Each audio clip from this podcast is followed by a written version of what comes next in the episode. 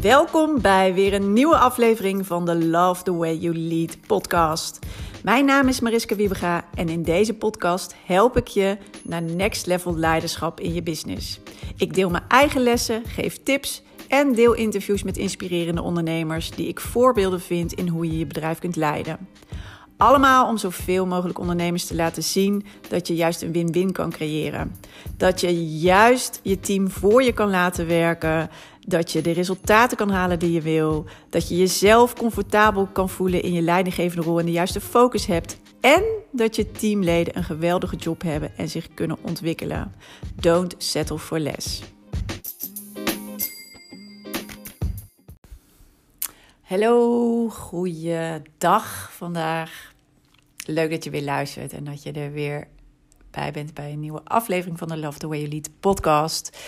En ja, vandaag is het dinsdag. En ik ben op dit moment heel druk bezig met de laatste uitwerkingen nog van het nieuwe korte programma Zorgeloos Aanspreken. Dus dat is iets wat al mijn aandacht vraagt op dit moment. Buiten natuurlijk ehm, de coaching van de mensen die in het Bouwbeste teamprogramma zitten. En dat heeft even volledige focus.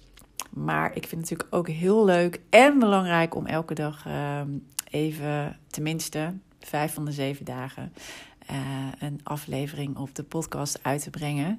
Dus vandaag ook een nieuwe aflevering. En ik ga het vandaag met je, iets, met je hebben over iets wat.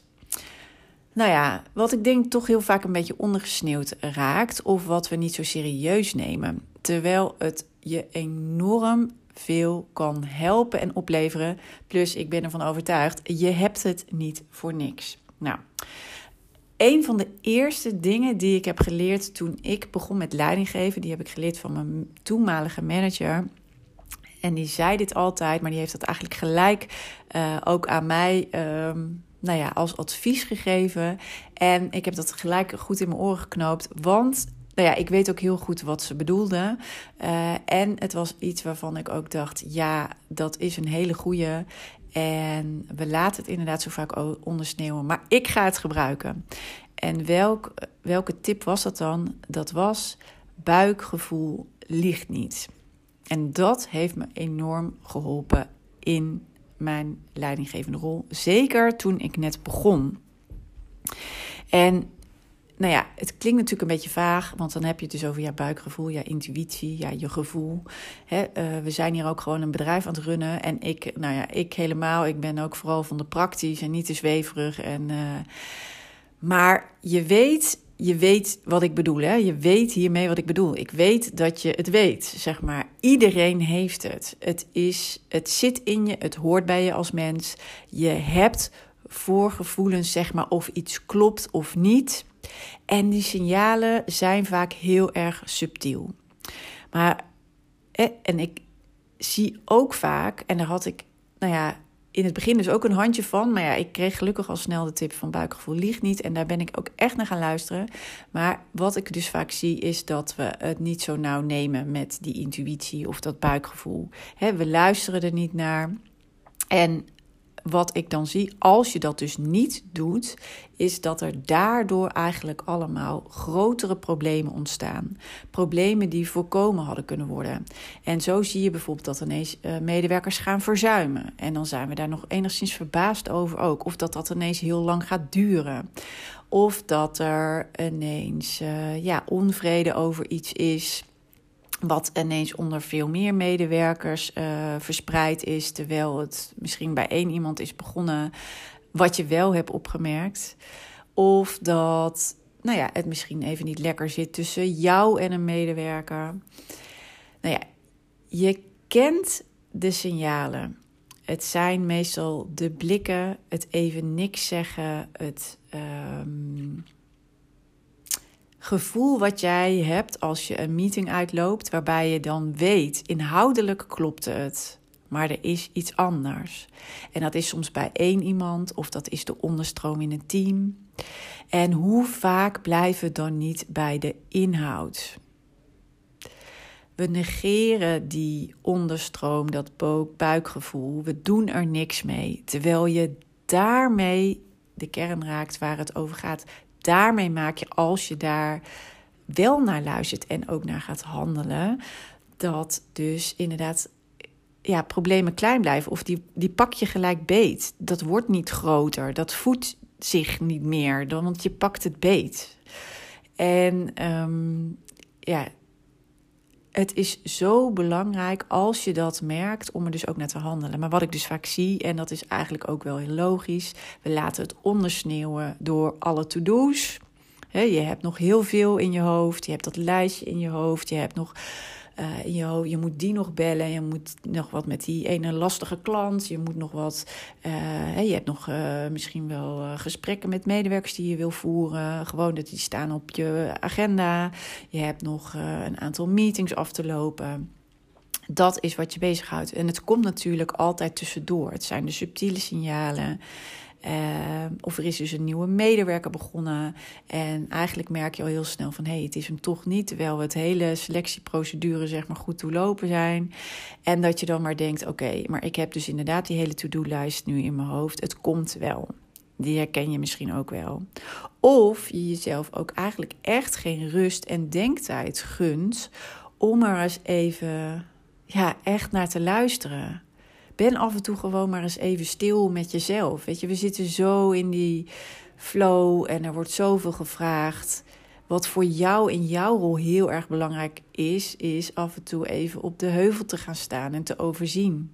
Is af en toe even stil te staan en stil te zijn bij wat er is en gebeurt. En dan hoor je het ook beter, die intuïtie. Dan, ja, dan voel je hem, zeg maar, beter, sterker. En weet je eigenlijk dus ook heel makkelijk wat je uh, daarna moet doen. Alleen dit gunnen we onszelf bijna niet. En misschien denk je ook wel, ja, of nou ja, goed, weet je, ik ben ook heel erg van de praktische en de ratio en de down to earth. Um, Alleen ik weet dus wat ik net al zei, hè, dat ook dat buikgevoel er gewoon is en dat dat er niet voor niks is. Maar dat je misschien wel denkt, wat een soft gedoe. Weet je, ik doe gewoon mijn ding. Ik zie, wat, eh, ik zie wat er gebeurt om me heen. Ik blijf op de inhoud. Ik ben lekker concreet. En dan maken we ook stappen. Dus dat zijn de dingen die je eventueel ja, in de weg kunnen zetten om daadwerkelijk te luisteren naar dat buikgevoel. Maar dit is echt een van de belangrijkste tips of adviezen die ik gelijk kreeg toen ik net begon met leidinggeven. En dat heeft me altijd zoveel gebracht en geholpen.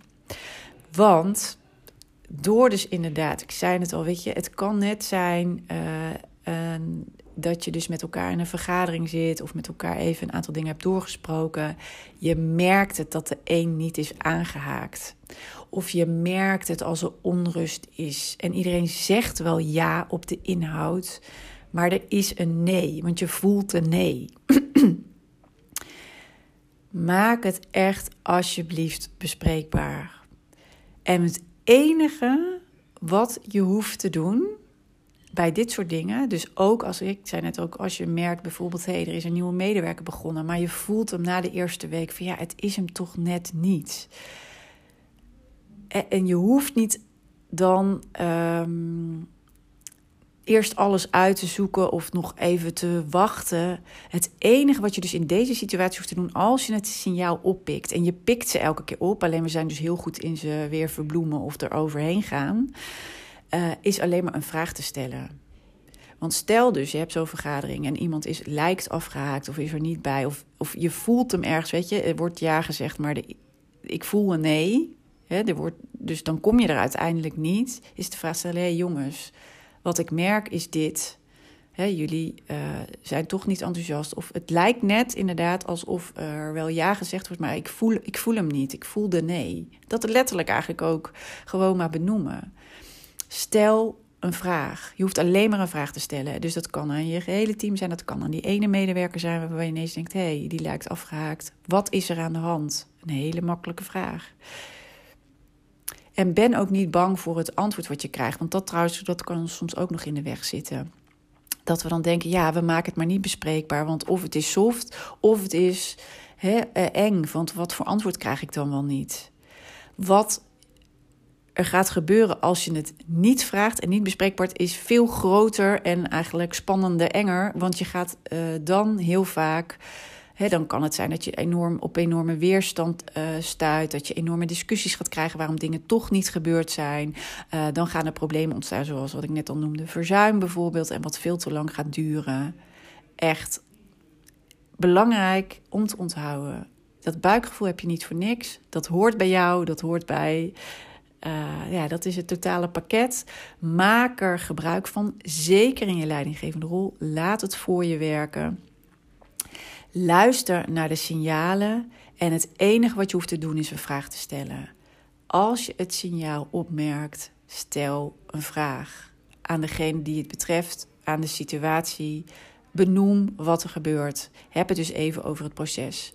En um, dat is eigenlijk het enige wat je hoeft te doen, waardoor je het dus aanpakt als signalen nog klein zijn, als problemen nog klein zijn. En negeer je dit, dan wordt het altijd groter. Het gaat nooit weg. Dus het wordt alleen maar groter. En dan kan je het ook weer aanpakken. Alleen kost het meer moeite en energie. En soms, weet je, uh, gaat het je, nou ja, in ieder geval echt tijd en geld kosten. En hoe mooi is het voor beide partijen niet alleen voor jou, maar juist dus ook voor je team, voor je teamleden, voor een teamlid, voor beide partijen. Als je het opmerkt en het ook durft aan te kaarten en er nou ja, op anticipeert als het dus nog klein is. Hoe fijn is dat voor jullie allebei? Dus, buikgevoel liegt niet. Onthoud het, neem het mee, luister ernaar en onderneem altijd gelijk actie. En het enige wat je hoeft te doen is een vraag te stellen. Dus bedenk gewoon altijd welke vraag kan ik nu stellen. Stel open vragen. En dat breekt het open, zeg maar. En dan ga je het hebben over waar je dit nog over moet hebben. En ben niet bang voor het antwoord. Weet dat het dat altijd makkelijker op te lossen is als het nog klein is dan als je het laat groeien. Dan heb je er veel meer moeite mee. Dan is er veel meer, uh, heeft het veel meer negatieve effecten. En ja, waarom daar tijd en energie aan kwijtraken als je nu die vraag kan stellen als, weet je, je buikgevoel aangeeft, ja, hier klopt iets niet. Dat is wat er gebeurt. Hier klopt iets niet. Echt, doe dan geen aanname, maar vraag ernaar. Waar zit het hem? Ga op onderzoek uit. Vraag, stel de vraag en je krijgt het antwoord. Stel goede vragen, je krijgt goede antwoorden. Zo simpel is het eigenlijk. Dus dat is wat ik je in deze podcast mee wil geven. Buikgevoel ligt niet. Stel de vraag, luister naar, gebruik het absoluut in je leidinggevende rol, want dit is zo waardevol. Ik heb het altijd uh, gebruikt en het heeft me heel erg veel geholpen. En uh, ja, dat is eigenlijk een, gewoon een hele waardevolle les. Dus ook voor jou uh, bij deze ja, neem hem mee en uh, doe er je voordeel mee. En dat gaat jou en je bedrijf en je team gewoon enorm helpen. Dus ik wens je voor nu nog een hele, hele fijne dag. En tot de volgende keer weer. Uh, en uh, ja, maak er wat moois van met je team. Doeg!